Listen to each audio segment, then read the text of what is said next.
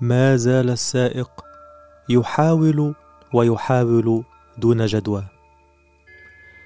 عندما دهست العربة ماكينات التذاكر توقف.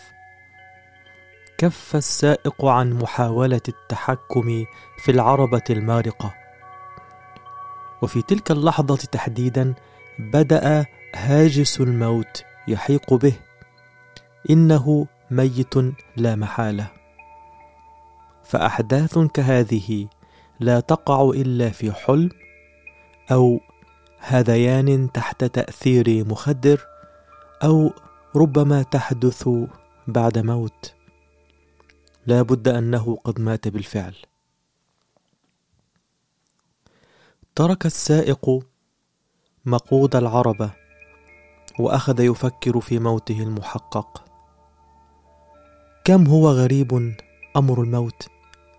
لماذا يظن كثير من الناس أن رحلة ما بعد الموت تبدأ برؤية ضوء أبيض كثيف يغشى البصر؟ لماذا لا تكون بداية الرحلة رحلة ما بعد الموت داخل عربة قطار تمردت على قضبان الحياة؟ ولا يدري السائق البسيط من أين يأتي بهذا التفكير العميق؟ والكلمات الحصيفة.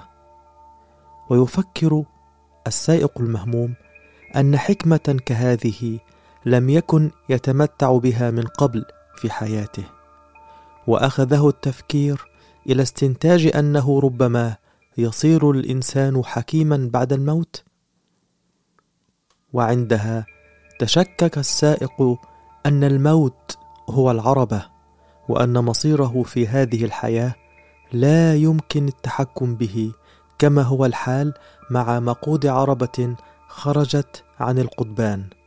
خرجت عن مسارها دون إنذار.